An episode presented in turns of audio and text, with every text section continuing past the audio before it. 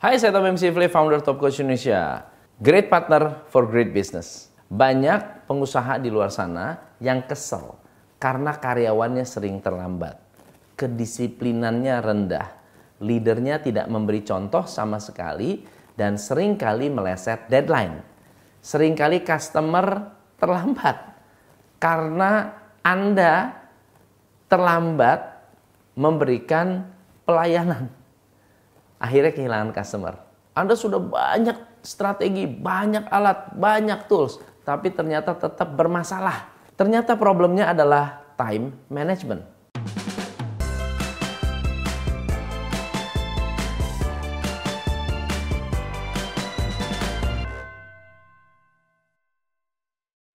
Time management adalah bagian yang cukup menarik karena kita mencoba untuk mengolah waktu saya yakin bahwa sebetulnya time management itu mudah.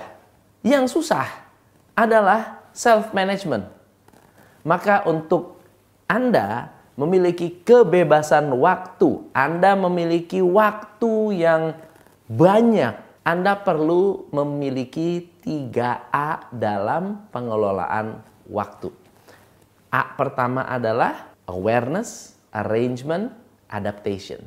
Awareness artinya Anda berpikir secara realistis apa yang bisa Anda lakukan dalam waktu yang terbatas. Anda punya kesadaran untuk memahami kapasitas kapasitas dan kemampuan Anda. Yang kedua, Anda perlu tahu cara mengarrange prioritas, melakukan penyusunan prioritas, goal, plan, schedule secara efektif berdasarkan waktu yang ada. Dan yang ketiga adalah adaptasi.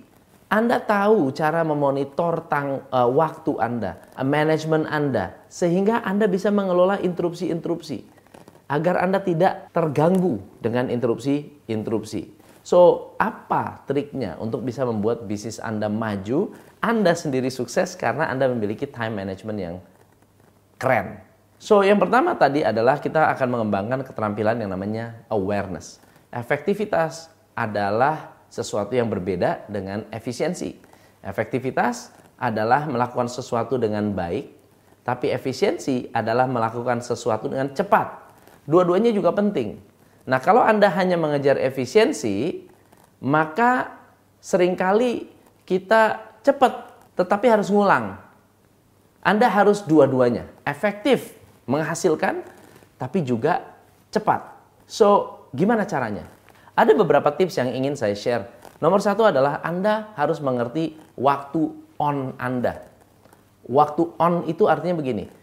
Waktu terbaik Anda pagi, siang, atau malam. Ada orang bilang, saya ini orang pagi. Kalau malam itu teler. Ada orang bilang, saya kalau pagi ngantuk bawaannya, kalau malam melek.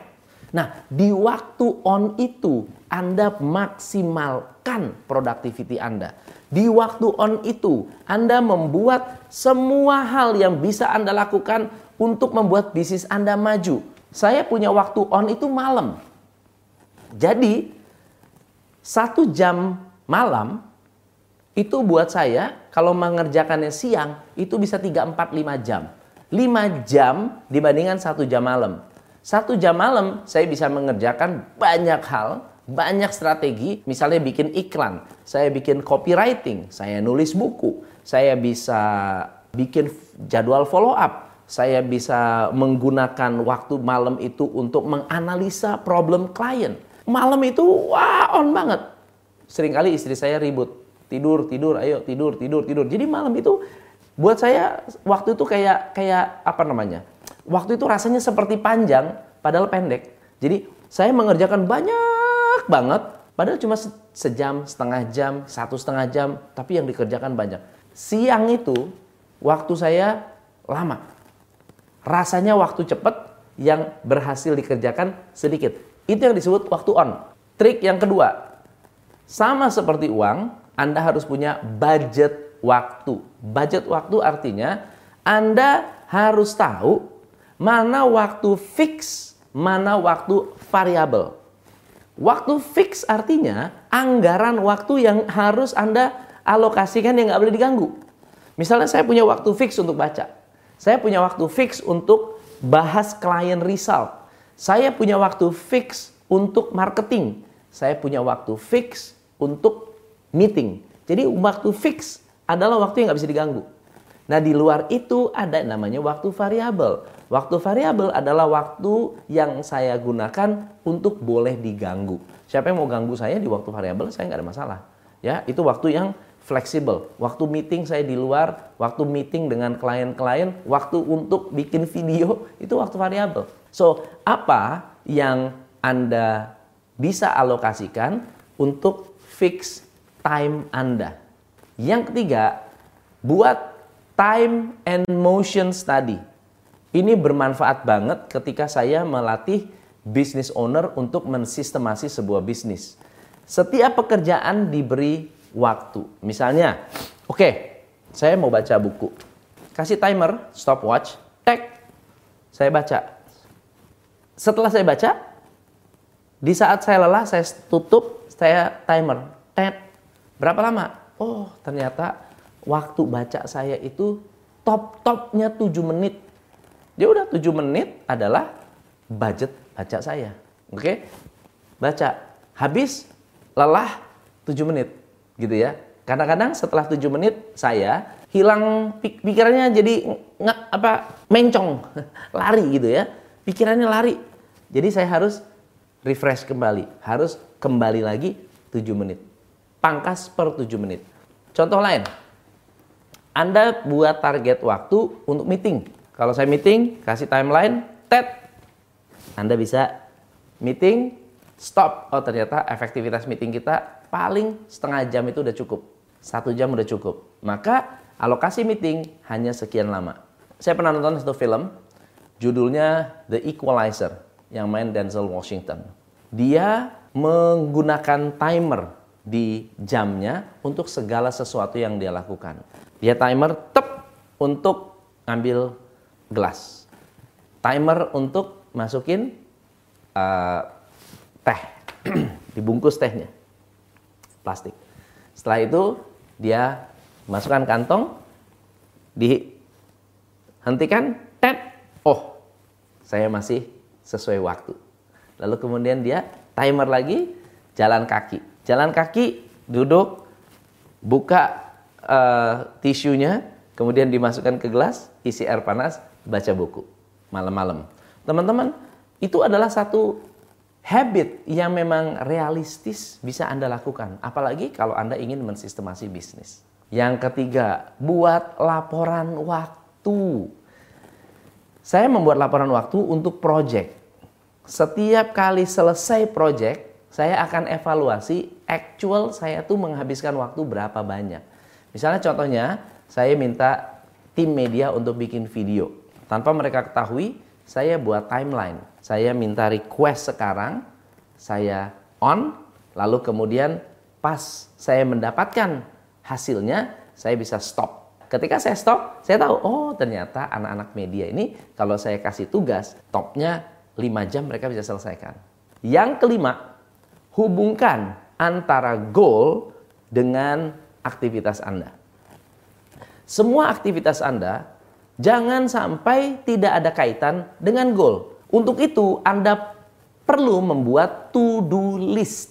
List yang bisa Anda desain yang merupakan goal Anda hari itu. Misalnya, goal saya hari ini adalah membuat 5 video yang sangat um, bagus, berarti dan targetnya adalah selesai sebelum jam 4. Nah, ya, ada target.